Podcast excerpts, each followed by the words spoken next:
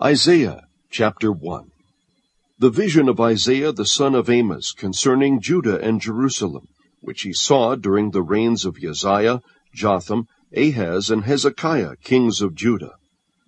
Listen, O heavens, and hear, O earth, for the Lord speaks. Sons I have reared and brought up, but they have revolted against me. An ox knows its owner, and a donkey its master's manger but Israel does not know, my people do not understand. Alas, sinful nation, people weighed down with iniquity, offspring of evildoers, sons who act corruptly, they have abandoned the Lord. They have despised the Holy One of Israel. They have turned away from him. Where will you be stricken again, as you continue in your rebellion? The whole head is sick, and the whole heart is faint. From the sole of the foot even to the head, there is nothing sound in it, only bruises, welts, and raw wounds. Not pressed out or bandaged, nor softened with oil. Your land is desolate. Your cities are burned with fire. Your fields, strangers are devouring them in your presence. It is desolation, as overthrown by strangers. The daughter of Zion is left like a shelter in a vineyard like a watchman's hut in a cucumber field, like a besieged city. Unless the Lord of hosts had left us a few survivors, we would be like Sodom, we would be like Gomorrah. Hear the word of the Lord, you rulers of Sodom. Give ear to the instruction of our God, you people of Gomorrah. What are your multiplied sacrifices to me, says the Lord? I have had enough of burnt offerings of rams, and the fat of fed cattle, and I take no pleasure in the blood of bulls, lambs, or goats. When you come to appear before me, who requires of you this trampling of my courts? Bring your worthless offerings no longer. Incense is an abomination to me.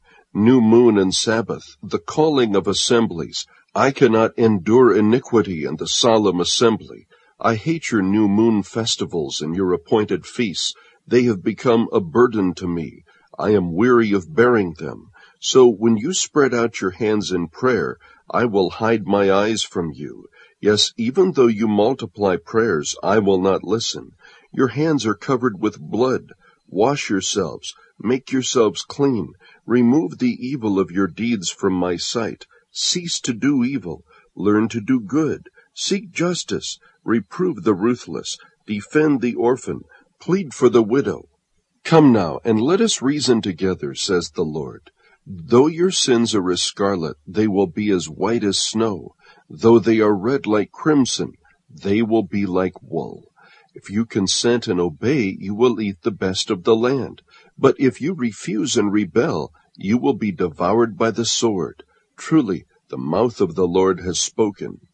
How the faithful city has become a harlot, she who was full of justice. Righteousness once lodged in her but now murderers. Your silver has become dross, your drink diluted with water.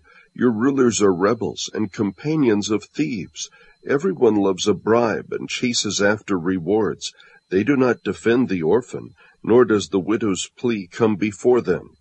Therefore, the Lord God of hosts, the mighty one of Israel, declares, Ah, I will be relieved of my adversaries and avenge myself on my foes.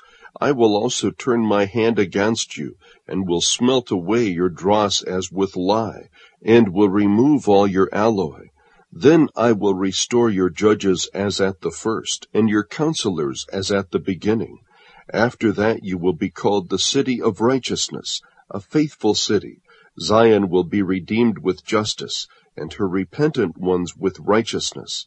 But transgressors and sinners will be crushed together, and those who forsake the Lord will come to an end. Surely you will be ashamed of the oaks which you have desired, and you will be embarrassed at the gardens which you have chosen.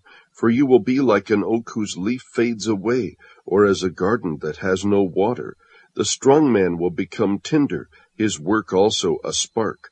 Thus they shall both burn together, and there will be none to quench them.